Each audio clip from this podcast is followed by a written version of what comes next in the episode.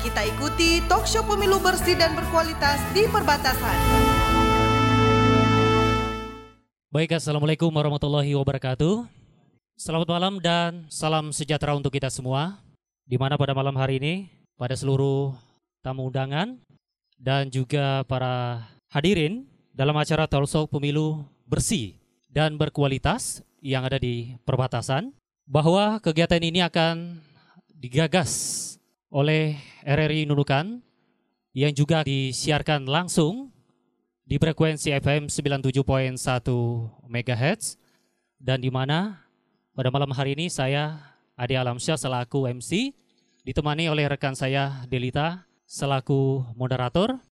Baik pada hadirin tamu undangan yang berbahagia, langsung saja selaku moderator rekan saya Delita yang akan memandu acara ini. Silakan rekan Delita. Baik, terima kasih Ade. Selamat malam para pendengar dan pada malam hari ini tamu dan undangan Bapak Ibu dan juga Kepsta. Selamat malam. Dan saat ini saya berada di antara anggota Bawaslu ya Pak ya. Dan juga ada dari FKUB dan ada tim relawan. Mungkin diperkenalkan satu persatu. Mungkin dari sana Pak uh, Samsul ya. Dari tim relawan silakan. Assalamualaikum warahmatullahi wabarakatuh. Nama saya Samsul Alan. Saya dari Relawan Demokrasi Kabupaten Nunukan yang tepatnya di basis netizen. Terima kasih. Dari perwakilan FKUB silakan Bapak untuk memperkenalkan diri. Para pendengar yang berbahagia. Saya dari perwakilan Forum Kerukunan Umat Beragama posisi saya sebagai wakil ketua satu nama Dr. Andas Hamzah Sanusi MPDI dari Bawaslu? Ya Assalamualaikum warahmatullahi wabarakatuh. Selamat selamat malam dan salam sejahtera bagi kita semua. Saya uh, Muhammad Yusran ketua Bawaslu Kabupaten Nunukan Demikian perkenalan pada malam hari ini uh, tamu ataupun juga narasumber kami. Kembali ke Ade. Baik, terima kasih rekan Delita. Baik para hadirin dan tamu undangan di mana pada malam hari ini uh, Talsok terkait pemilu bersih dan berkualitas. Bapak-bapak, ada undangan pada malam hari ini kita akan masuk di dialog santai dan tanya jawab talk show pemilu bersih dan berkualitas di perbatasan. Ini menjelang pemilu 2019 pada 17 April mungkin seminggu lagi nih ya Pak ya. Ini seperti apa sih kalau dari Bawaslu untuk persiapan sehingga jelang pemilu dan pelaksanaan pemilu nanti ini bisa berjalan dengan baik dan semuanya aman, kondusif, tidak ada pertengkaran ataupun juga mungkin ada selisih-selisih ini. Silakan Pak untuk di uh, terangkan ataupun juga diberikan uh, pembahasan kepada masyarakat Nunukan. Ya, terima kasih Mbak Delita ya. Jadi uh, kami penyelenggara pemilu itu kan ada tiga ya, KPU, Bawaslu dan DKPP atau Dewan Kehormatan Penyelenggara Pemilu. Nah kalau KPU dia uh, menyelenggarakan secara teknis. Kalau kita uh, melakukan pengawasan atas integritas proses dari penyelenggaraan teknis tersebut. Nah, kalau DKPP itu adalah mereka yang mengawasi kita agar penyelenggara pemilu ini tetap mematuhi kode etik e, penyelenggaraan pemilu. Nah, kalau kami di Bawaslu ya, untuk langkah-langkah yang sudah kita lakukan tentu e, sebagaimana tugas kami itu secara umum ada dua, Mbak. E, ya ini pencegahan dan e, penindakan begitu. Kalau pencegahan itu sifatnya kita bagaimana mengupayakan uh, partisipasi masyarakat, mengupayakan masyarakat itu terlibat aktif untuk melakukan pengawasan sehingga eh, hal-hal yang mungkin dalam tanda kutip itu pelanggaran dapat ditekan. Jadi ini adalah upaya uh, kita untuk mencegah terjadinya pelanggaran. Nah, kalau sudah terjadi pelanggaran, maka penindakanlah yang kemudian menjadi uh, apa kerja-kerja kita di sana. Nah di penindakan ini uh, ada macam ada beberapa macam dugaan pelanggaran dalam pemilu. Ada uh, administrasi ya, ada eh, pidana pemilu, ya ada kemudian kode etik pemilu seperti itu. Nah, di Undang-Undang 7 2017 kita juga diberi kewenangan untuk melakukan atau menyelesaikan sengketa, baik itu sengketa antar peserta dan penyelenggara pemilu dan antar eh, peserta pemilu seperti itu. Nah, kalau di pidana pemilu itu eh, tidak bawa selu ansi di sana, tidak bawa selu sendiri di sana. Ada Gakundu yang tergabung kemudian ada tiga institusi Bawaslu, kepolisian dalam hal ini penyidik Polri dan kemudian eh, kejaksaan dalam hal ini penuntut umum. Nah, di sana kemudian kita lakukan langkah-langkah penindakan. Yang pasti pencegahan dan penindakan itu sebenarnya satu tarikan napas. Artinya ketika pencegahan itu kita maksimalkan maka akan minimal pelanggaran. Kalau kita juga lakukan penindakan secara tegas tidak pandang bulu, maka akan minimal juga pelanggaran sehingga satu tarikan napas. Nah, kalau ditanya terkait langkah-langkah kita sampai saat ini, eh, besok itu kita akan lakukan penguatan teknis lagi ke semua panwascam. Kita akan kita panggil ke Nunukan ya. Terus kemudian di sana kita akan lakukan pemetaan TPS sesuai instrumen atau indikator yang kita buat dari Bawaslu RI diturunkan ke provinsi dan diturunkan ke kabupaten. Kita akan lakukan pemetaan TPS-TPS yang eh, relatif itu rawan. Untuk apa dilakukan pemetaan? Ya untuk eh, mencegah terjadinya pelanggaran sehingga kita punya skala prioritas eh, dalam melakukan pengawasan. Itu besok kita akan lakukan. Dalam beberapa hari ini memang teman-teman Bawaslu itu kita perintahkan di semua panwascam itu lembur ya. Jadi on, tidak ada lagi istilah istirahat. Bahkan bahasa saya itu eh, teman-teman pengawas pemilu dilarang sakit sampai 17 April. Setelah 17 April silakan sakit. Jadi kita dilarang sakit. Jadi betul-betul kalau bisa satu hari itu 32 jam ya 32 jam. Tapi kan satu hari itu kan hanya 24 jam. Sehingga apa? Sehingga eh, kita lembur ya dalam melakukan pengawasan karena memang seperti sarangan pajar ya ataupun politik uang itu kan banyak terjadi di malam hari. Ya pelanggaran-pelanggaran itu justru terjadi di malam hari sehingga teman-teman di kantor itu on menerima setiap laporan ya eh, dugaan pelanggaran eh, yang terjadi di setiap kecamatan maupun kelurahan ataupun desa. Itu eh, sekilas secara umum kesiapan-kesiapan kita yang jelas secara aparatur pengawasan kita siap dan kita terus melakukan penguatan-penguatan teknis pengawasan di seluruh jajaran kita. Mungkin begitu, Mbak. Setelah tadi pembahasan yang cukup panjang dari Bawaslu, ini kalau dari FKUB ini Pak gimana? Eh, Bagaimana upaya FKUB untuk menjaga kerukunan antar umat beragama di mana perbedaan itu sangat baik. Tapi kalau menjelang pemilu ini sangat tidak baik. Ini seperti apa nih supaya mereka diberikan pemahaman kepada masyarakat Kabupaten Nunukan? Silakan Pak. Ya, terima kasih. Eh, jadi untuk mendapatkan hasil yang bagus dalam pemilu yang berkualitas, eh, memang banyak komponen. Ya, yang pertama tadi dari eh, panitia pelaksana ada KPU, ada Bawaslu, ada Badan Pengawas. Eh, sekalipun itu terbatas, maka kita dari umat beragama karena Indonesia itu eh, sudah menetapkan enam agama yang resmi dan dinunukan semuanya ada. Ya dinunukan kemudian dinunukan itu mencerminkan Indonesia.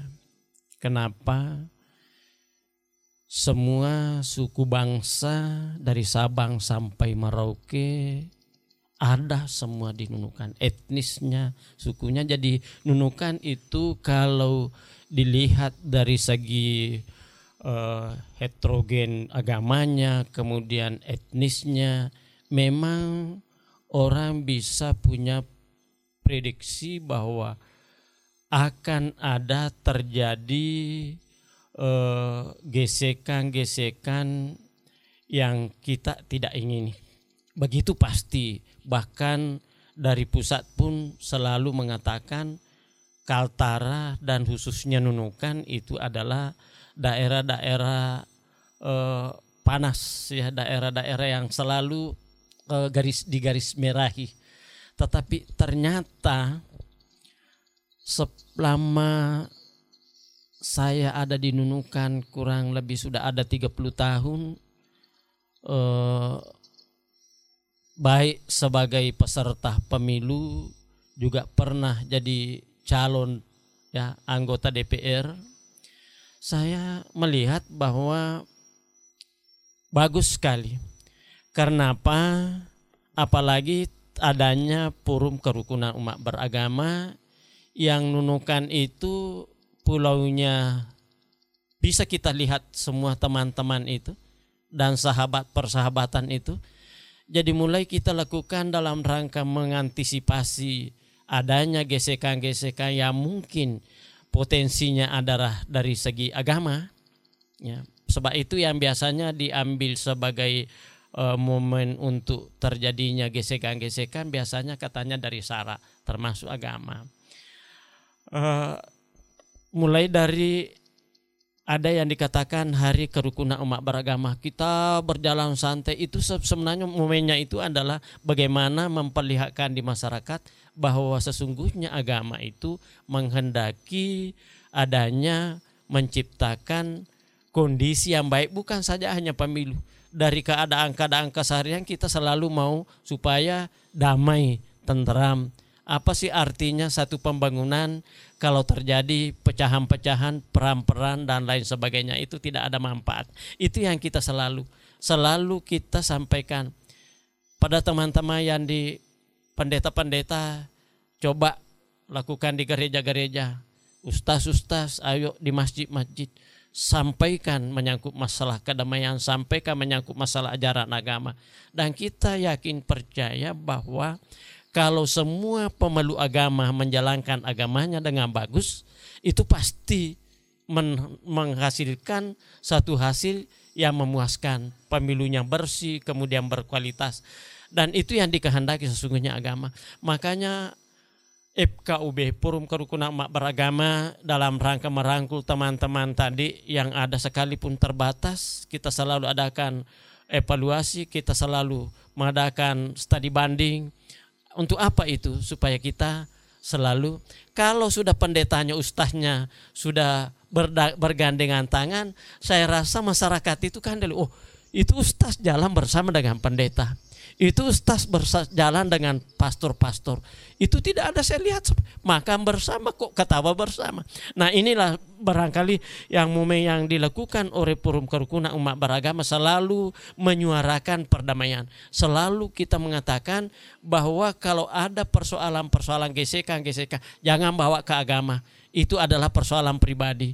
Saya rasa sudah banyak yang kita lakukan itu. Jadi uh, gampang sekali sebenarnya kalau dinunukan itu. Masjid gereja-gereja ya cepat kita di WA itu selalu menyampaikan kalau ada persoalan-persoalan tenang saja itu bukan persoalan agama ini hanya persoalan pribadi. Ini tidak usah pokoknya. Ah itulah yang yang yang anu forum kerukunan beragama. Syukur alhamdulillah pemerintah berdasarkan dengan uh, KBM-nya itu keputusan bersama menteri tiga menteri yaitu uh, nomor 908 2006 menyangkut masalah bantuannya syukur alhamdulillah kita merasakan bahwa banyak manfaat bukan saja hanya masalah pemilu. Hanya karena pemilu memang artinya adalah satu uh, yang bisa terjadinya gesekan-gesekan karena banyak kepentingan-kepentingan. Tetapi saya rasa Bawaslu sudah mengundang tokoh-tokoh agama, sudah mengundang semuanya itu dan sering dilakukan. Bagaimana supaya menciptakan kondisi yang baik itu selalu kita diundang-undang tokoh masyarakat dan tokoh-tokoh agama, ustaz, pendeta-pendeta diundang itu. Jadi saya terima kasih.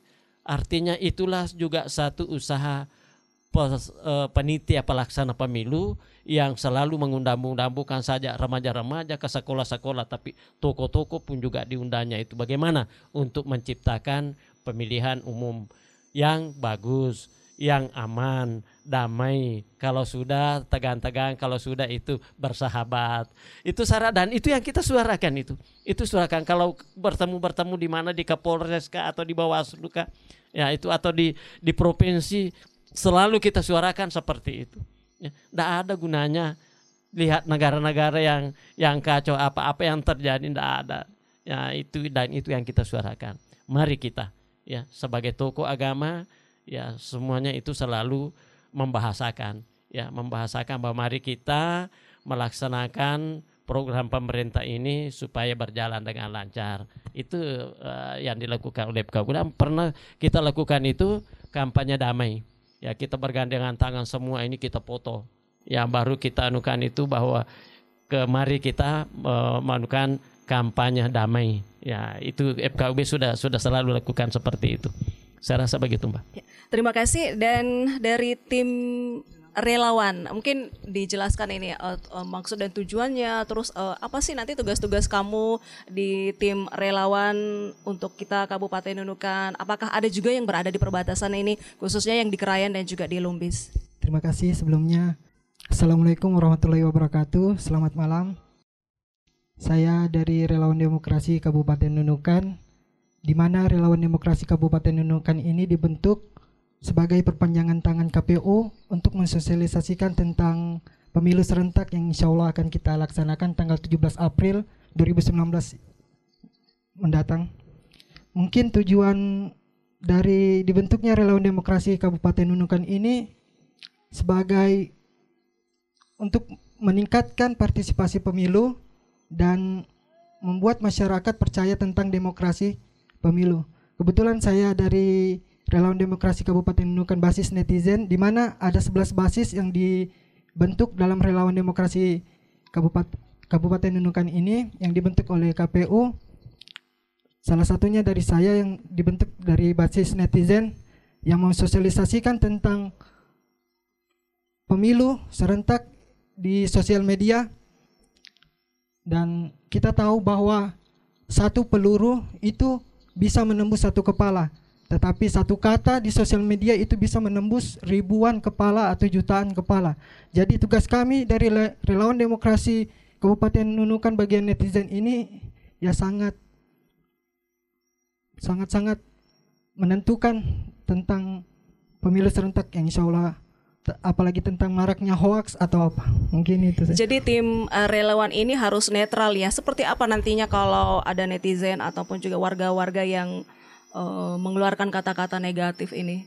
Mungkin kalau kami dari Relawan Demokrasi Kabupaten Nunukan yang khususnya basis netizen, kami tidak akan menangkapi tentang yang memprovokasi itu kami tidak akan masuk ke dalamnya insya Allah. Baik pendengar, uh, saat ini kita akan gunakan tanya jawab 15 menit ya buat pendengar dan juga narasumber kami akan menjawab.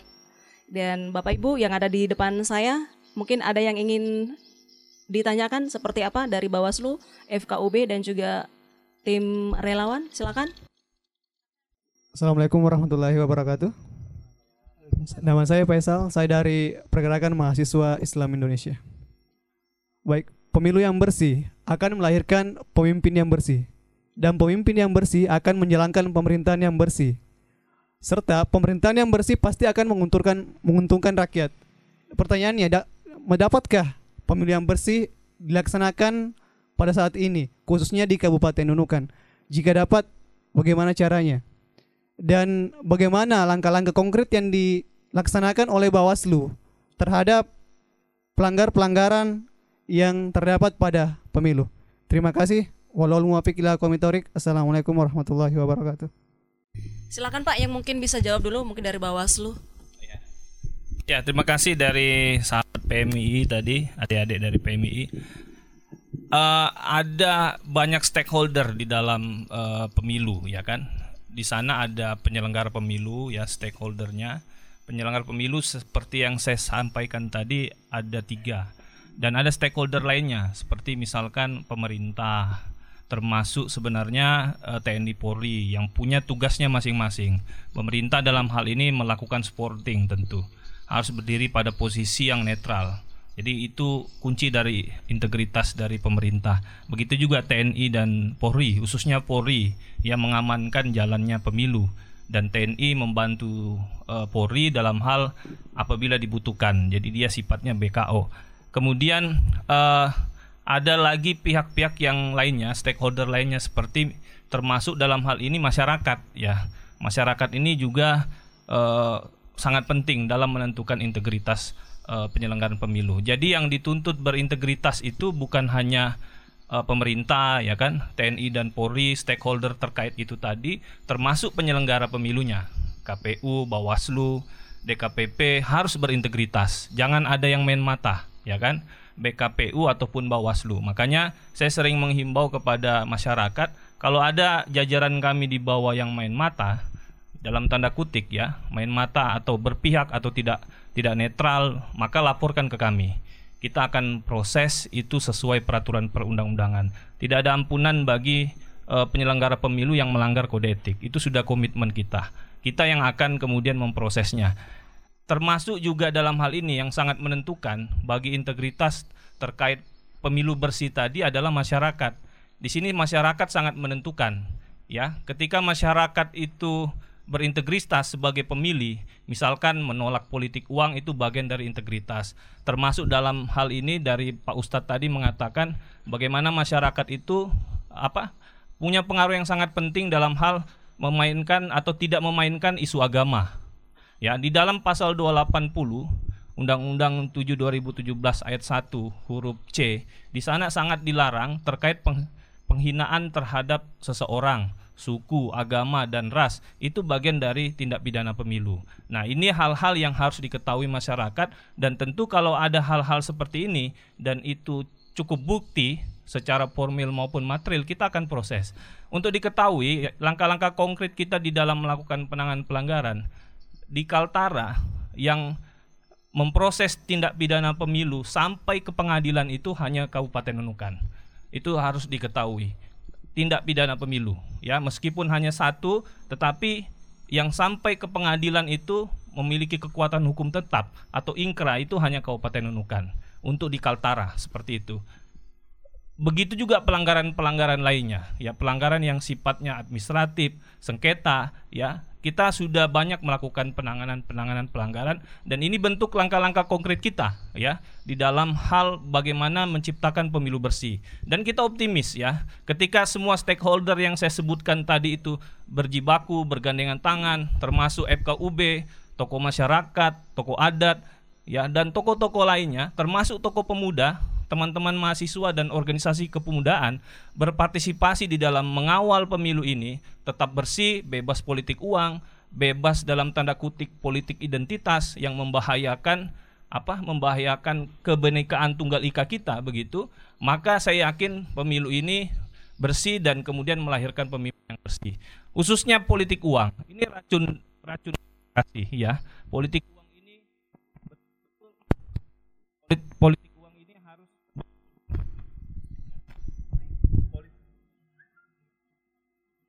politik uang ini harus kita pahami sebagai racun demokrasi begitu. Kenapa saya katakan racun demokrasi? Ketika kemudian ini dilakukan, itu tentu akan melahirkan konsekuensi logis dari itu semua akan melahirkan pemimpin yang korup. Pemimpin yang korup ini selanjutnya tentu berdampak pada masyarakat juga. Sehingga memang masyarakat harus sadar dan menyadari bahwa biaya pemilu ini besar adik-adik semua ya besar ya uang digunakan untuk membiayai pemilu ini. Kalau seandainya kemudian pemilu ini hanya rutinitas lima tahunan yang kemudian juga berbahaya bagi persatuan kita, ya lama kelamaan kita ini akan melakukan apa ya? Akan tidak percaya pada proses pemilu. Padahal indikator dari demokrasi atau negara demokrasi itu kan pemilu. Ya kalau seandainya kita sudah merasa pemilu ini sudah tidak ada gunanya, itu berbahaya bagi kelanjutan uh, proses demokrasi uh, di negara kita. Sehingga mari kita jaga bersama ya pemilu ini kita optimis pemilu kita melahirkan pemimpin yang bersih ketika masyarakat atau penyelenggaranya berintegritas atau stakeholder lainnya itu berintegritas. Nah, sehingga memang peran masyarakat di sinilah sangat penting. Untuk diketahui adik-adik semua ya, eh, para hadirin di sini, kita tidak akan bisa melakukan penindakan setiap pelanggaran ketika peran serta masyarakat itu tidak ada. Ya, meskipun itu kami yang temukan. Bagaimana kami mau memproses segala sesuatu atau pelanggaran? Ya, kalau tidak ada saksi. Ya. Masa Bawaslu yang jadi saksi juga? Bawaslu yang menemukan dia juga yang menjadi saksi. Ya kan? Masyarakat harus berani menjadi saksi. Kalaupun tidak berani melapor, minimal jadi saksi deh. Seperti itu. Ya, kalau tidak ada yang berani jadi saksi, bagaimana mungkin setiap pelanggaran itu bisa dipro diproses? Ya, karena memang satu syarat ya untuk setiap pelanggaran itu bisa dilakukan tindak lanjut, itu harus ada saksi.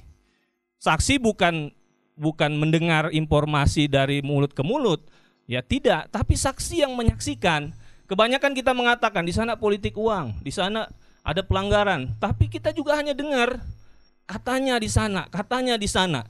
Ya kan kita hanya dengar, mungkin saja itu hanya isu. Untuk apa? Untuk supaya suasana itu tidak kondusif. Padahal tidak ada. Nah, sehingga apa? Inilah yang sangat penting menurut kami dari teman-teman adik-adik relawan demokrasi dari basis netizen ini juga sangat penting nanti perannya karena memang penyebaran informasi-informasi seperti yang kita kenal sekarang istilah hoax itu banyak dilakukan di dunia maya ya. Katanya di sana Pak ada politik uang. Katanya Pak di sana ada bagi-bagi uang. Katanya di sana Pak ada kampanye di gereja, kampanye di masjid. Kan itu dilarang, kampanye di gereja, kampanye di masjid itu dilarang. Seperti itu. Tapi ketika kita tindak lanjuti tidak ada. Ya, Masyarakat di sana juga diam semuanya. Ya kan gitu. Gimana kita mau melakukan penindakan? Sehingga apa? Bawaslu tidak boleh sendiri, ya. Masyarakat harus berperan serta dalam menjaga integritas proses penyelenggaraan pemilu ini.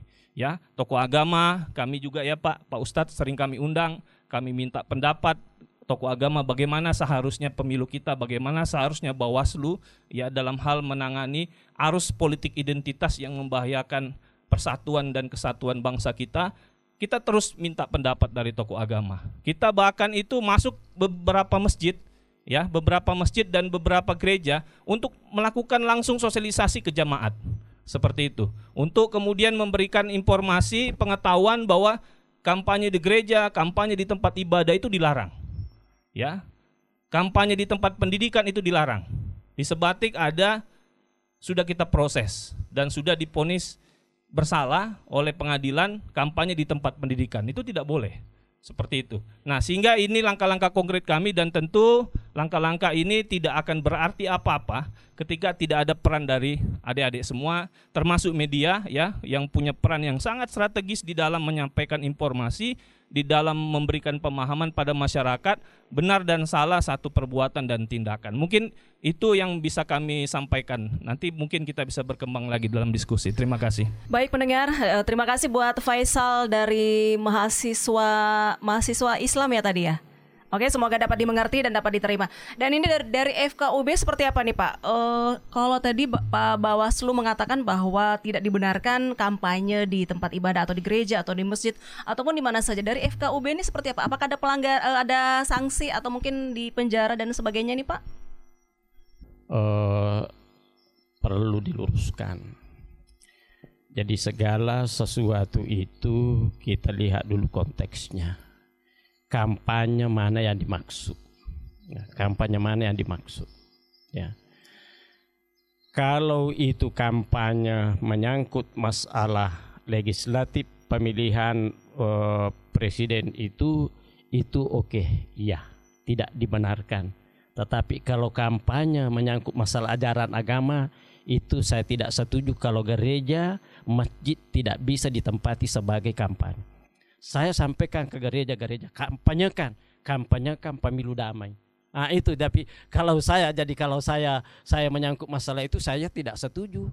Kalau dikatakan masjid, gereja, rumah ibadat, eh, pendidikan tidak bisa dijadikan sebagai tempat kampanye karena itu semuanya basis-basis yang kita bisa sampaikan menyadarkan orang. Tetapi kampanye praktis barangkali itu yang dimaksud. Jadi beda dengan pemahaman saya kampanye, kampanye secara umum. Ya, jadi dakwah. Jadi masjid, gereja, ya tempat-tempat ya berkumpul seperti pendidikan itu perlu perlu ada pendidikan supaya orang cerdas. Di mana tempatnya di pendidikan, di mana tempatnya di gereja, di masjid. Itu disampaikan supaya masyarakat sadar. Oh, ini loh pemilihan umum yang bagus. Jangan memainkan mani politik itu bisa dikempingkan seperti itu kalau menurut pengertian saya secara pengertian kampanye secara umum dan mungkin yang dimaksud peserta pemilu itu atau pelak itu adalah kampanye menyangkut masalah menghadapi pemilihan umum Ah, barangkali itu. Jadi kalau saya, saya per- di mana-mana saya kumpul saya sampaikan. Coba menyangkut masalah berita-berita hoak itu, ya di masjid saya sampaikan itu tidak benar itu. Semua agama tidak membenarkan yang dikatakan berita-berita bohong. Masa di ada karyanya orang tidak dihargai? Jadi saya kalau ada karyanya orang katakan itu yang benar-benar, ya kan?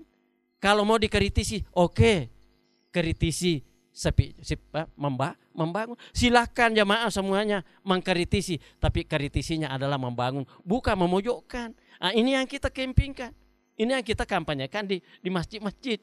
Nah, ini maaf para pendengar, jangan sampai ada yang wah ini ustaz mem- membenarkan kampanye dalam pengertian saya secara umum, bukan pengertian secara khusus.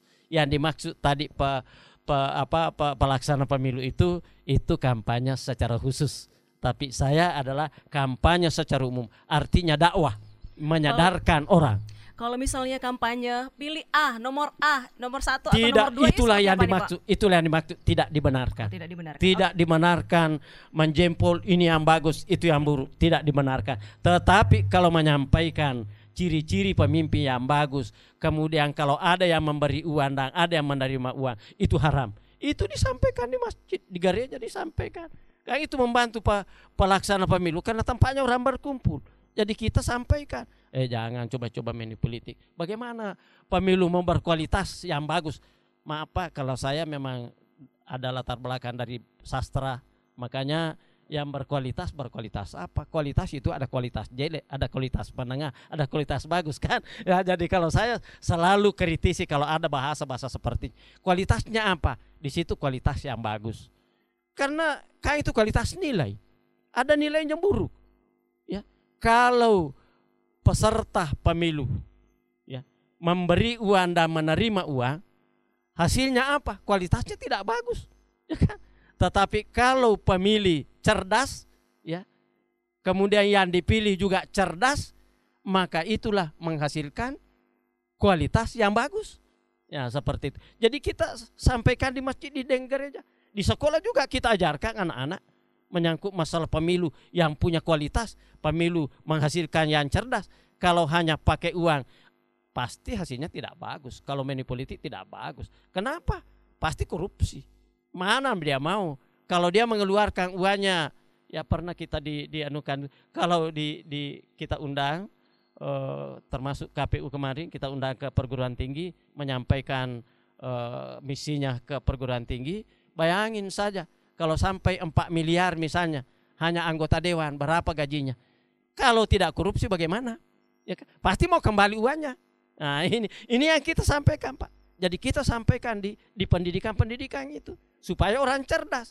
Ya jadi tempatnya untuk mencerdaskan masyarakat ya tempat-tempat ibadah. Bukan saja menghadapi pemilu, sebelum pemilu atau sesudah pemilu kita selalu bah- bahasakan itu. Coba lihat. Karena hasil pemilihan karena main uang yang kamu pilih apakah kualitasnya bagus atau bagaimana ya yang memilih juga karena hanya uang 100 ribu dengan lima, lima tahun. Kan itu kita sampaikan bodohnya kita hanya lima- 100 ribu lima tahun bagaimana?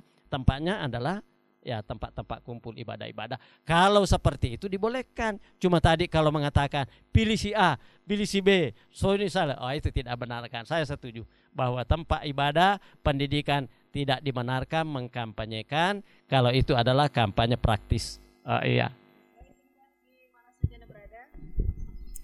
Uh, Talkshow pemilu bersih dan berkualitas di perbatasan. Tadi sudah dari Bawaslu dan juga dari FKUB mahasiswa di saat ini di malam hari ini semoga juga dapat uh, lebih jelas dan juga para pendengar. Dan satu lagi nih dari tim relawan. Ini seperti apa? Tadi tim relawan mengatakan bahwa perpanjangan dari KPU dari Bawaslu. Ini seperti apa untuk mengawasi eh, rekan-rekan muda, netizen agar mereka juga benar-benar eh, memilih nanti dan tidak golput dan juga yang tadi eh, tidak ada yang namanya money politik ini.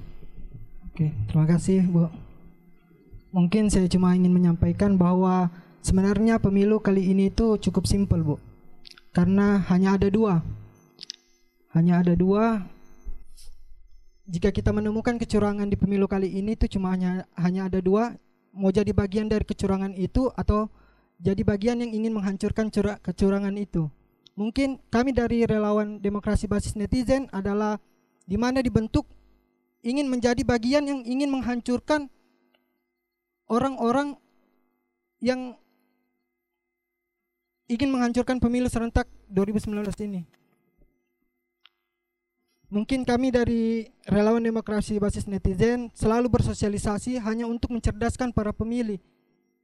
Dan tujuannya sudah jelas bahwa eh, de- relawan demokrasi dibentuk ini meningkatkan partisipasi pemilih, meningkatkan kualitas proses pemilu, meningkatkan kepercayaan publik terhadap proses demokrasi, dan membangkitkan kesukarelaan masyarakat sipil dalam agenda pemilu dan demokrasi. Itulah tujuan kami dibentuk. Bu.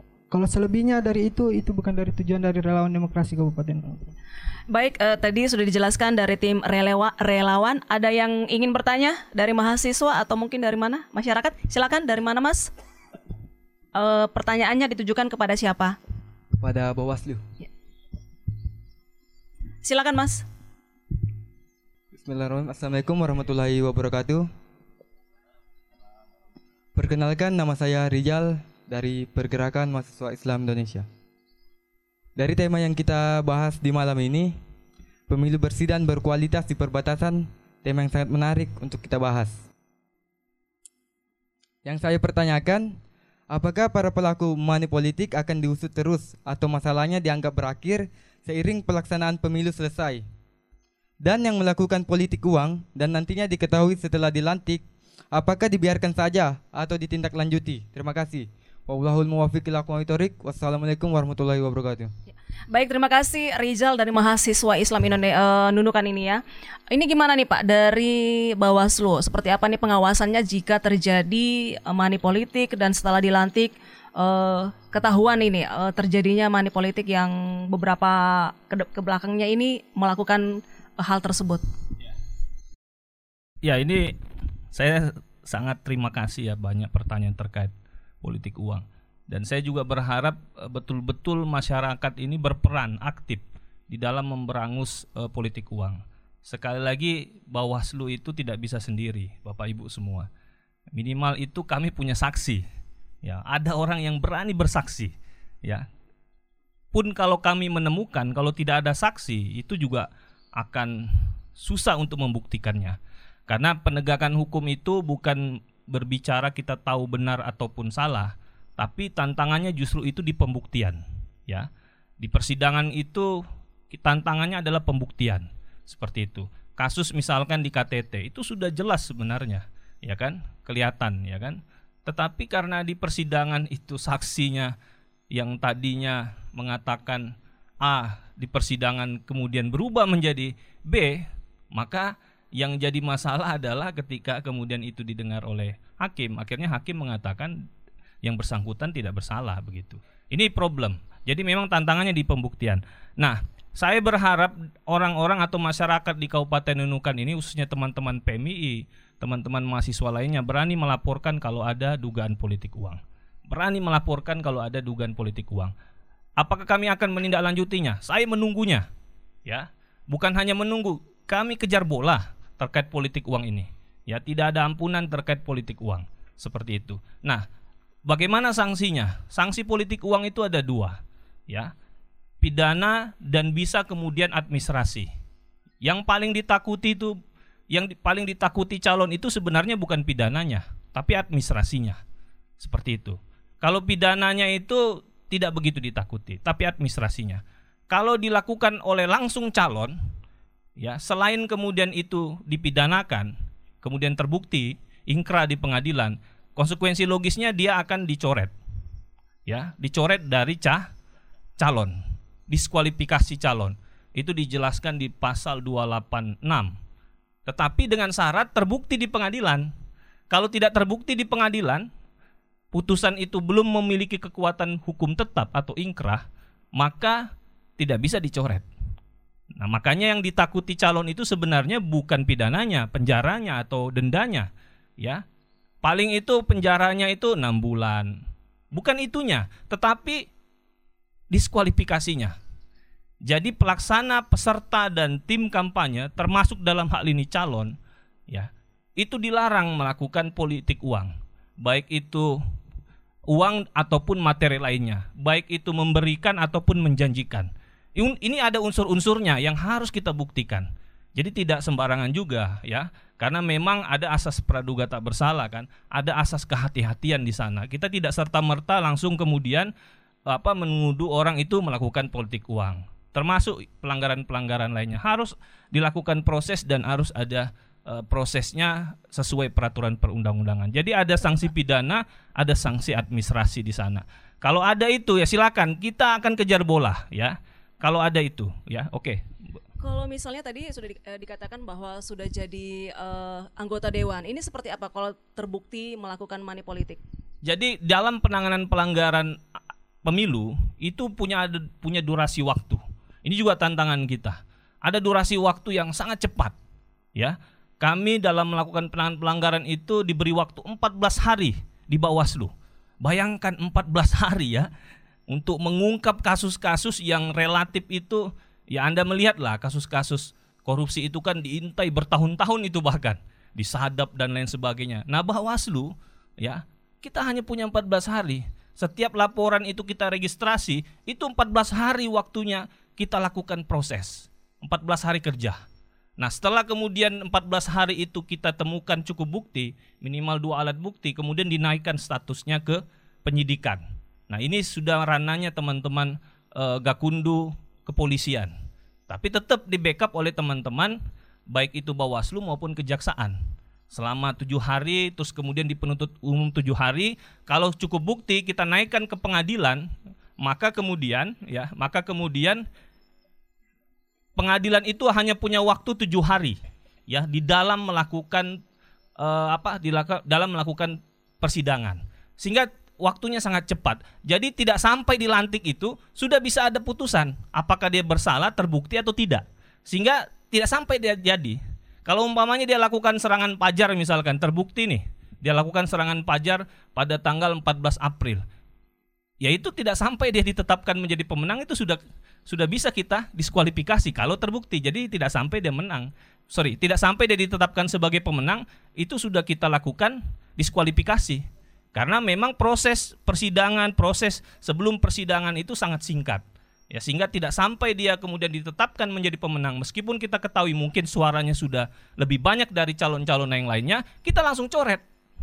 Ya, KPU langsung mencoret dari hasil pengadilan yang sudah memiliki kekuatan hukum tetap. Jadi jangan jangan takut deh ya. Kalau ada kemudian nanti serangan pajar Anda laporkan dan terbukti di pengadilan, tidak sampai dia dilantik itu sudah kita coret ya ya tidak sampai dia dilantik sudah kita coret dengan catatan sudah terbukti di pengadilan sudah ingkrah ya sudah ingkrah atau memiliki kekuatan hukum tetap jadi tidak tidak lagi dia kemudian dilantik kemudian jadi anggota DPR baru kemudian dicoret tidak gitu sebelum dia di, dilantik itu sudah dicoret dipastikan seperti itu karena memang penanganan pelanggaran kita bersifat ce, cepat seperti itu itu mungkin uh, jawaban yang saya bisa berikan Baik, uh, Rizal mungkin sudah dapat mengerti, dapat memahami tadi uh, penjelasan dari Bawaslu. Dan satu lagi pertanyaan buat narasumber kami.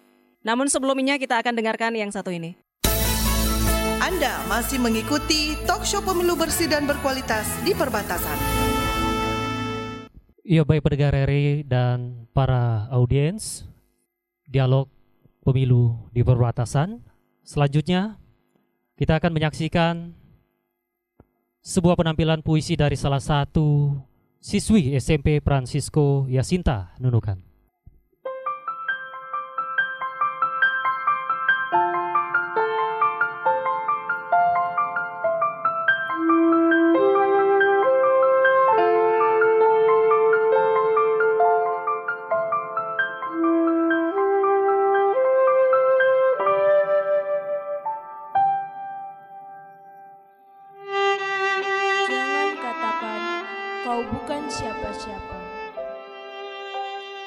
Jangan bilang kau hanya orang biasa. Janganlah berpikir untuk acuh dan tak peduli pada bangsamu, pada pilihanmu, pada hak suara yang dijamin negara bagimu. Sibukmu bukan alasan untuk kau tak memilih. Pintarmu jangan membuatmu apatis dan enggan untuk mencoblos. Tersebab kayamu bukanlah alibi untuk golput. Karena miskinmu, jangan jadikan alasan untuk tak datang ke TPS. Kepadamu orang tua di seluruh pelosok negeri, dirimu adalah teladan bagi generasi. Kuatkan langkahmu untuk hadir di pesta demokrasi. Rayakan perhelatan ini dengan berbesar hati. Kepadamu kaum remaja, putra-putri bangsa ini, kobarkan semangatmu untuk mensukseskan pemilu nanti. Bakar jiwamu dengan rasa peduli di pemilu. Marilah berpartisipasi.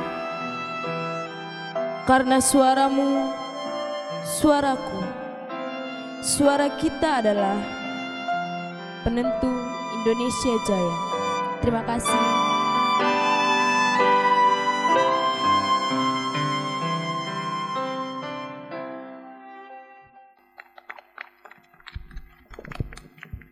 Ya itu tadi penampilan salah satu siswi SMP Francisco Yasinta Nunukan dan selanjutnya kita kembali ke rekan Delita selaku moderator.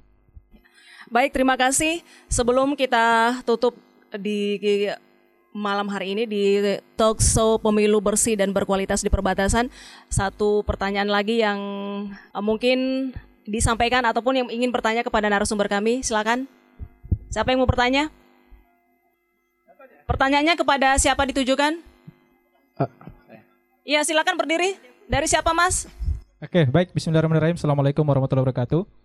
Baik, nama saya Andi dari Oh ya, dari IKPMI. Eh, yang saya tanyakan kepada Pak Dr. Andes Jamsah dari PKUB.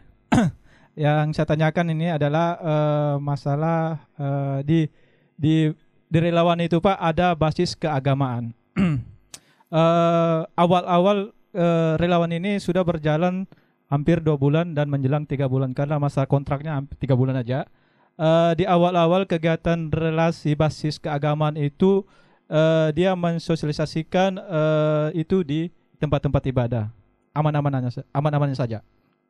Tetapi ketika eh, akhir-akhir ini eh, aku dapat informasi, saya dapat informasi dari dari tim relawan keagamaan bahwa eh, kami dilarang mensosialisasikan eh, eh, pemilu ini di di tempat-tempat ibadah, baik di masjid maupun eh, di tempat gereja-gereja. Eh, pertanyaan saya adalah eh, kalau memang ini betul, bukan hoak ya. Mudah-mudahan kalau ini memang betul, eh, karena masih ada masih ada waktu untuk beberapa hari ini untuk ke depan. Kalau memang kalau memang bisa, itu tolonglah PKUB untuk eh, memberikan kesempatan untuk mereka mensosialisasikan karena ini masih ada waktu. Mungkin itu demikian. Wallahu. Wassalamualaikum warahmatullahi wabarakatuh. Ya, terima kasih eh, yang mempertanyakan menyangkut masalah eh, tempat-tempat ibadah termasuk pendidikan yang dijadikan sebagai sosialisasi ya menyangkut masalah pelaksanaan pemilu. Dari tadi saya sudah katakan kita dari FKUB juga selalu menyampaikan bahwa eh, perkataan dari pusat itu termasuk Pak Yusuf Kala pernah menyampaikan menyangkut masalah karena Pak Yusuf Kala sebagai ketua Dewa Masjid Indonesia. Dia menyampaikan pelarangan rumah-rumah ibadah dijadikan ajang politik menyampaikan kampanye-kampanye. Yang dimaksud itu tadi. Makanya memang juga perlu sosialisasi ya jangan jangan anu kan jadi makanya saya tanggap bahwa yang dimaksud beliau itu adalah politik praktis. Dan kita sampaikan jangan menjadikan masjid rumah ibadah kalau itu hanya sebagai kampanye dalam rangka politik praktis. Tetapi kalau mengajarkan itu tidak apa-apa. Ya pendidikan politik namanya. Jadi makanya inilah ya maklumlah masyarakat juga takut karena adanya himbauan itu. Jadi wajar-wajar juga kalau ada panitia-panitia rumah ibadah yang melarang. Kenapa? Karena ada himbauan. Nah itu dia tanggapi seperti itu. Tapi kalau seperti saya, tentu saja saya tidak melarang sepanjang punya misi, punya tujuan, apa gunanya kamu menyampaikan di situ. Kalau hanya menyangkut masalah eh, bagaimana pemilu cerdas, bagaimana ini, itu tidak ada masalah, ya kan? Cuma kalau seperti ini yang dilarang ini, ada orang caleg, lalu eh, menyumbang tikar, lalu penitia masjid mengatakan, para jamaah eh, diam dulu sebentar karena ada salah satu di antara kita di sini caleg ya lalu dia menyumbang. Itu tidak diper, tidak tidak diperkenalkan. Seperti itu kalau mau menyumbang menyumbang jangan sebut ininya kan. Ya ah, itu yang yang yang tidak dibenarkan yang seperti itu. Penitia kan memainkan diam dulu semuanya ya supaya ada ini mau berbicara sebentar caleg wah itu tidak dibenarkan. Nah itu. Tapi kalau seperti adik yang jalankan justru itu tempatnya. Hanya orang tidak mengerti. Makanya kalau saya saya selalu sampaikan seperti itu. Tanggapi bedakan ya kampanye dengan pendidikan. Ya itu itu mungkin yang perlu di itu memang memerlukan waktu ya pencerdasan pendidikan ya itulah tugas-tugas adik-adik nantinya itu bagaimana mengkader generasi supaya cerdas. Nah, itu sesungguhnya yang kita memang memakai waktu yang lama. Saya rasa tahun ini belum ini, tapi insya Allah tahun-tahun ke depannya, sebab saya lihat dari tahun ke tahun pelaksanaan pemilu semakin ada perubahan-perubahan dan semakin ada baiknya. Cuma belum maksimal. Ya memang begitu memakai waktu yang ini kan. Nah, jadi saya rasa semakin hari semakin orang cerdas bahwa kalau hanya pendidikan itu mencerdaskan orang itu tidak apa-apa. Ya, saya rasa seperti itu.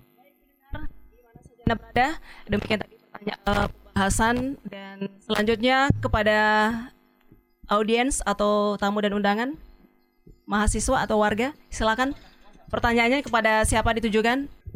Cek satu. Baik, bismillahirrahmanirrahim. Assalamualaikum warahmatullahi wabarakatuh. Perkenalkan nama saya Ambral Anastasia. Saya merupakan warga di Selisun. Baik, pertanyaan saya klasik. Tapi pertanyaan ini tidak pernah sampai sekarang saya menemukan jawaban yang pasti. Kita ketahui secara bersama, semua masyarakat, bahkan adik-adik, anak-anak kita mengetahui tentang money politik apalagi pelaksanaan pemilu ini sudah dekat. Pasti money politik sering kita dengar istilah. Dan bisa melalui namanya serangan pajar. Semua masyarakat pasti mengetahui hal ini. Pertanyaan saya adalah, teman-teman mengetahui bahwa orang ini melakukan money politik. Saya yakin mengetahui orangnya. Bukan hanya masyarakat biasa, mungkin dari pihak KPU maupun pihak Bawaslu mengetahui hal itu. Tapi ketika pihak Bawaslu hanya mengharapkan respon dari masyarakat, yakin dan percaya sampai kiamat solusi tidak ada. Pasti kita akan mendengar namanya money politik, money politik kalau ada pemilu atau pemilihan. Jadi jadi pertanyaan saya seperti ini karena ini sangat menggelitik bagi saya tentang money politik ini. Apakah dari pihak Bawaslu tidak memiliki alternatif untuk membentuk seperti tim intelijensi, ya, seperti tim intelijensi untuk melakukan siapa sebenarnya secara fakta, secara depan matanya Bawaslu melakukan money politik. Saya yakin semua orang tahu orangnya. Dan yang jadi masalah adalah masyarakat tidak berani untuk memberikan tanggapan atau saksi di depan hakim. Karena mungkin jaminan kehidupannya terancam ya. Jadi ini salah satu saran saya apakah benar tidak ada alternatif untuk melakukan suatu tim untuk menghilangkan istilah money ini? Saya yakin pasti pemilihan ke depannya bukan pemilihan aja ini pasti tak dengar dengan money itu pertanyaan pertama. Pertanyaan kedua saya berikan kepada relawan demokrasi. Saya mendekat saya mendengar tadi bahwa kegiatan ini merupakan kegiatan yang simple. Simple dari mananya? Kita ketahui bahwa persiapan ini sudah hampir satu tahun terbentuknya panitia penyelenggara baik dari PPS, PPK, dia itu membentuk panitia sebelum hari H itu hampir setahun lebih. Sedangkan dari relawan demokrasi mengatakan ini simple. Simpelnya yang bagaimana? Apakah simpel ke masjid mau sosialisasi, simpel ke RT sosialisasi, itu simpel. Tapi kalau dilihat dari panitia penyelenggara itu, mereka melakukan bimbingan teknis, mereka mensosialisasikan simulasi, itu mereka kewalahan. Ya, mereka sangat kewalahan untuk melakukan kegiatan pesta demokrasi ini. Istilah simpel ini dari mananya? Itu yang saya tanggapi dari lawan demokrasi. Kemudian untuk narasumber selanjutnya, ya. Kita ketahui bahwa istilah ini hanya pernyataan saja. Ya, istilah ini hanya pernyataan saja.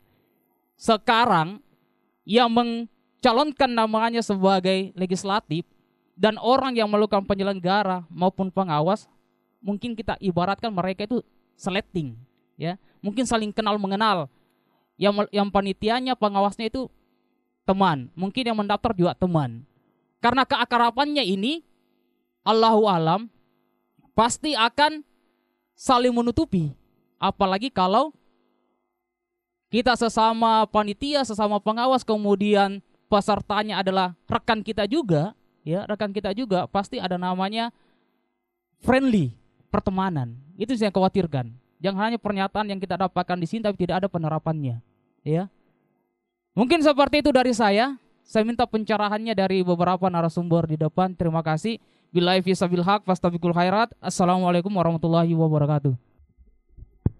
Jadi kasus money politik ini di seluruh Indonesia sudah kita sudah kita selesaikan sebanyak enam, ya enam kasus. Sudah ada yang didiskualifikasi, ya.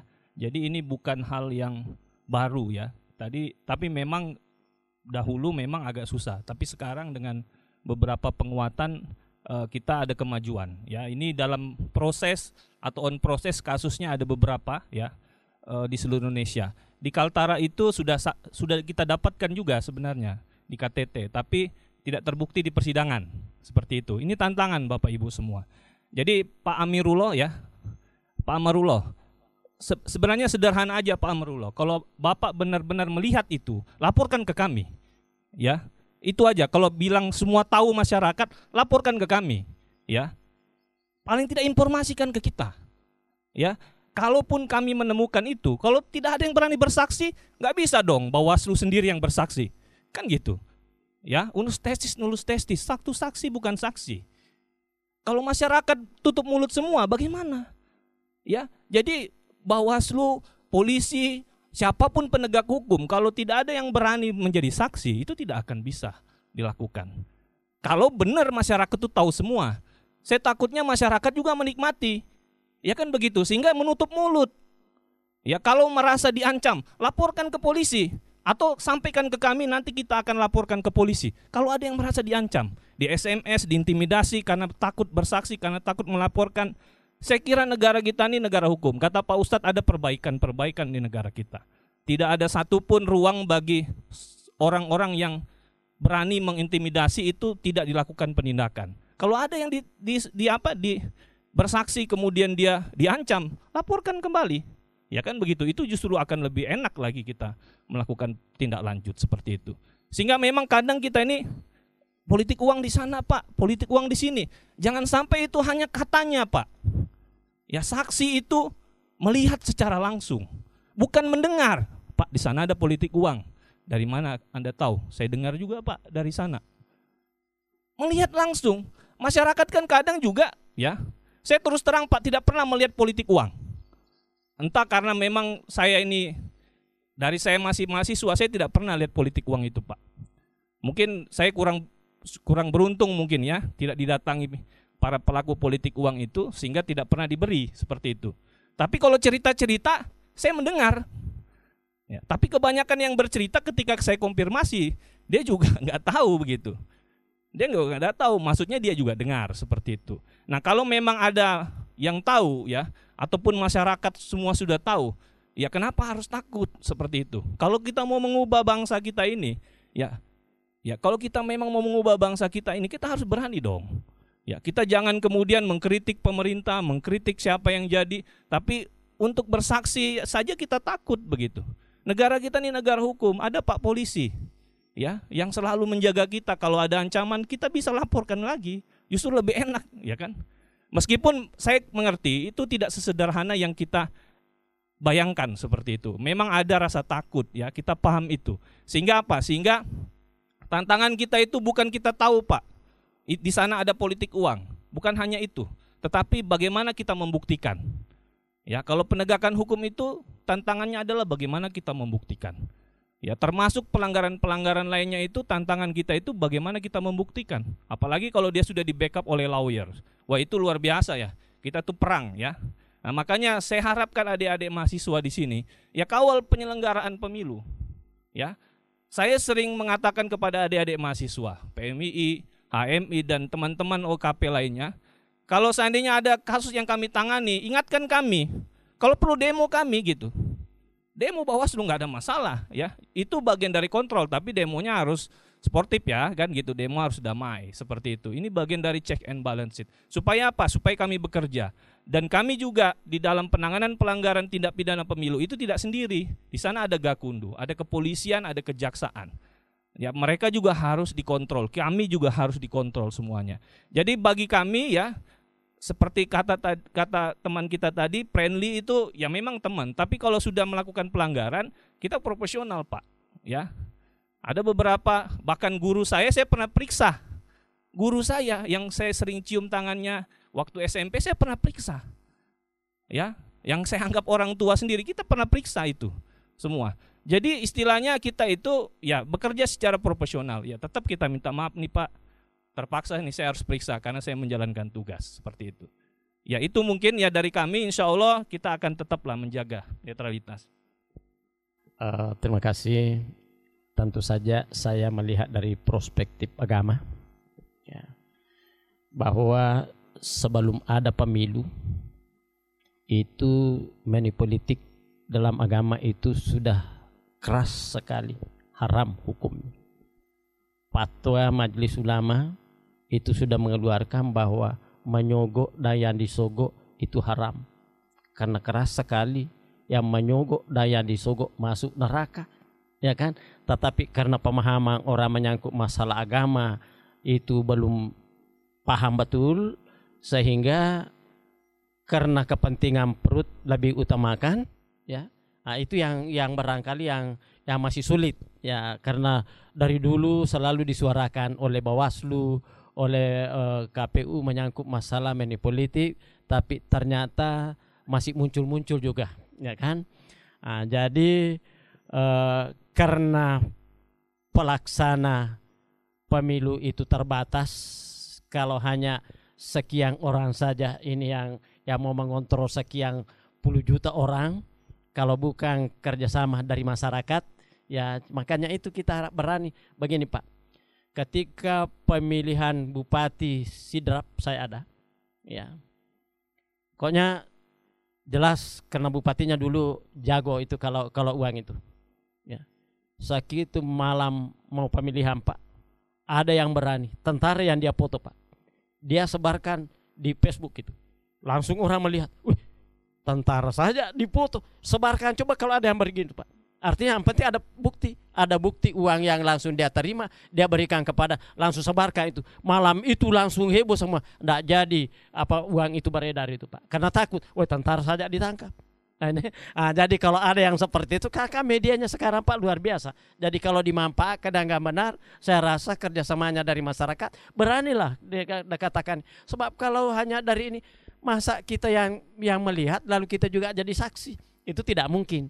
Jadi memang kita mengharapkan partisipasi masyarakat dalam rangka ini ada jalurnya, ada rananya, lapor ke petugas-petugas. Jangan di situ yang main hakim sendiri. Nah itu. Jangan melihat langsung tinju karena saya juga pernah jadi anu Pak itu. Karena caleg, makanya kita tidak punya uang pada waktu itu Pak. Kerjasama caleg-caleg yang tidak punya uang mengawasi itu malamnya Pak. Jadi kita tawasi siapa teman yang yang dicurigakan banyak uangnya. Kita selalu ikuti itu Pak. Itu pernah kita lakukan itu Pak. pemilu sembilan, sesudah pemilu 99 itu. Kita pernah lakukan itu caleg-caleg yang memang sudah mengerti bahwa ini adalah haram hukumnya, ya kita coba ayo kita. Malam ini sampai jam segini di mana posnya masuk itu. Ya kita datangi. Ya kalau mau masyarakat seperti itu saya rasa selesai itu. Tetapi kalau hanya mau menikmati juga wah itu jadi masalah. Kalau mau masyarakat juga nikmati sebab saya juga pernah didatangi begitu Pak. Pak Ustaz, kalau orang 200 Ustaz 50 ribu saya tusuk Ustaz. Tapi saya tahu hukumnya. Ya kan? Nah, ini itu itu artinya memang memang eh, saya rasa menyangkut masalah itu perlu waktu ya dan perlu penyadaran menyangkut masalah agama karena dan kemudian menyangkut masalah hukum ya jangan hanya selalu dikatakan wah apa itu? KPU juga lihat Bawaslu juga lihat tapi dia tidak tangkap tidak ini tetap di depan matanya kan banyak isu-isu yang seperti di depan matanya karena persaudaraan kan? Tapi tadi sudah dijelaskan bahwa sudah ada bukti bahwa betul dia bekerja dengan baik. Ya jadi kita dari segi agama semua ya semua masyarakat masyarakat itu kalau berani mengontrol membantu terlaksananya pemilu dengan baik bersih kemudian berkualitas itu peran peran sertanya masyarakat. Kalau hanya pe- pe- pe- penitia-penitia saja itu cuma berapa orangnya. Ya jadi kalau bukan partisipasi masyarakat itu saya rasa juga itu tidak eh, belum mencapai maksimal itu. Saya rasa seperti jadi kalau agama sudah lama katakan bahwa sogo dan majogo itu kedua-duanya masuk neraka. Ya kan begitu. Situ dipatahkan. Oke, terima kasih. Sebelumnya mungkin nanti bisa didengar kembali rekaman yang yang saya sampaikan tadi. Maksudnya di sini simple simple dalam artian jika kita menemukan kecurangan hanya ada dua. Mau menciptakan kecurangan itu atau yang ingin menghancurkan kecurangan itu. Itu maksud saya tadi. Mungkin bisa didengar kembali. Ya, cara menghancurkannya ya kita laporkan jika kita temukan. Kita jadi masyarakat harus berani. Nah, di antara itu ya kita mau jadi bagian yang ingin menciptakannya atau yang ingin menghancurkannya itu maksud saya tadi. Simpelnya. Oke terima kasih. Mungkin itu aja. Ya baik. Anda berada demikian tadi eh, pertanyaan pembahasan yang sudah diberikan kepada eh, juga siswa semoga saudara Amran ya bis- bisa menerima. Kita Selanjutnya kita masuk di closing statement nih dari narasumber dari Bawaslu, dari FKUB dan juga dari tim relawan. Sebelum kita tutup nanti nih Pak di talkshow pemilu bersih dan berkualitas di perbatasan. Assalamualaikum warahmatullahi wabarakatuh. Dan selamat malam Uh, untuk menciptakan pemilu yang bersih dan berkualitas yang bagus. Tentu uh, ada tahapan-tahapan yang harus dilakukan yang pertama untuk bersihnya itu bersih dari segi uh, agama keimanannya kemudian bersih daripada segala yang dilakukan itu apakah dengan kekerasan atau dengan dengan cara-cara yang kasar yang dia lakukan. Nah, makanya itulah yang disebut dengan pemilih yang bersih. Tetapi ini bisa tercapai manakala pemilihnya sudah cerdas.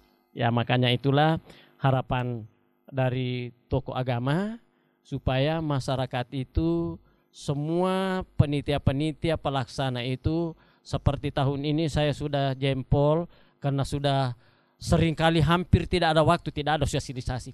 Dan itu yang yang saya rasa yang paling efektif sekali datang datangi kelompok-kelompok baik kelompok-kelompok eh, petani-petani apa semua diberikan pencerahan menyangkut masalah kesadaran kita pemilu betapa eh, hebatnya kalau kita melakukan pemilu itu bersih bisa menghasilkan kualitas yang bagus.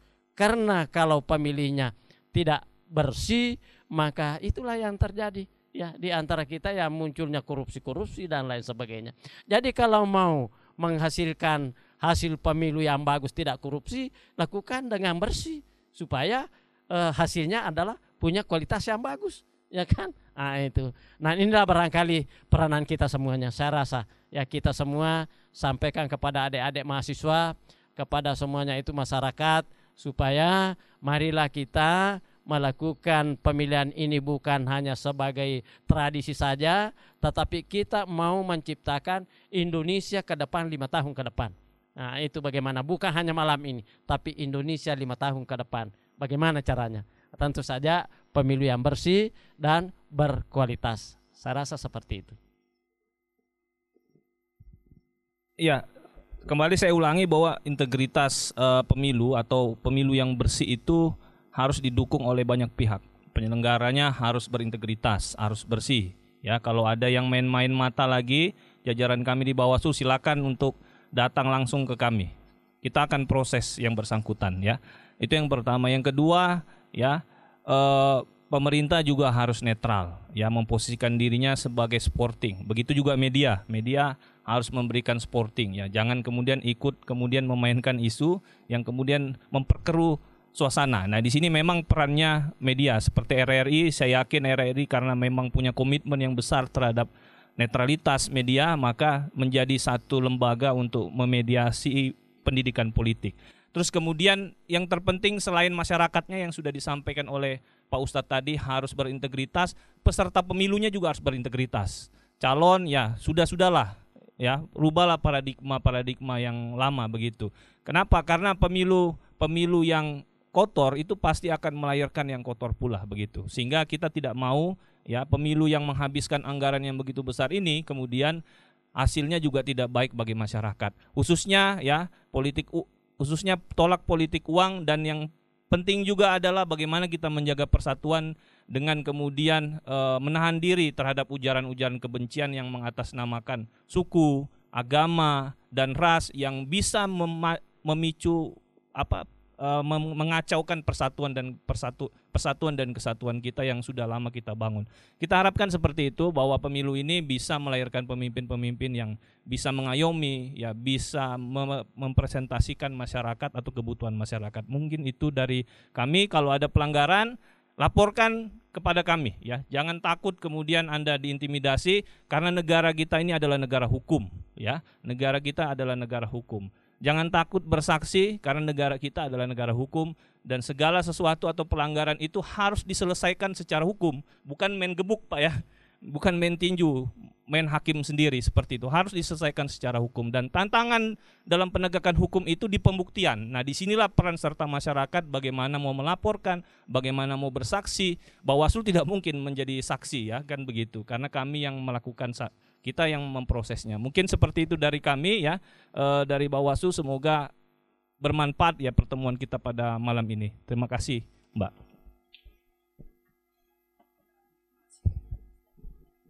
Terima kasih. Mungkin dari relawan demokrasi cuma ingin menyampaikan, lakukanlah bagianmu semampumu yang kamu bisa, kamu merancang, kamu merencanakan dan kamu memilih. Selanjutnya biarkan Tuhan melakukan bagian yang tak mampu kamu lakukan. Terima kasih.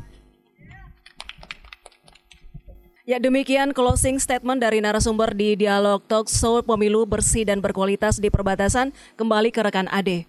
Baik, terima kasih rekan Delita. Sebelum kita tutup Dialog Pemilu malam hari ini, saya ingin mendengarkan yel-yel dari para mahasiswa. Satu orang yang mewakili. Ya, kepada seluruh peserta kami minta untuk berdiri. Mohon diperhatikan, uh, ini adalah jargon Bawaslu.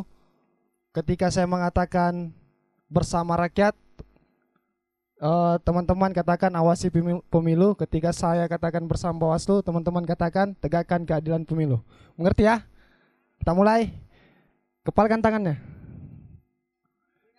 Bersama rakyat. Bersama Bawaslu. Sekali lagi, sekali lagi. Kasih kencang ya. Bersama rakyat. Bersama Bawaslu. Oke, aplaus untuk kita semua. Ya baik pendengar, demikian dialog pemilu bersih dan berkualitas di perbatasan. Mewakili kerabat kru yang bertugas saya Adi Alamsyah, pamit undur diri. Selamat malam dan sampai jumpa. Wassalamualaikum warahmatullahi wabarakatuh. Salam perbatasan.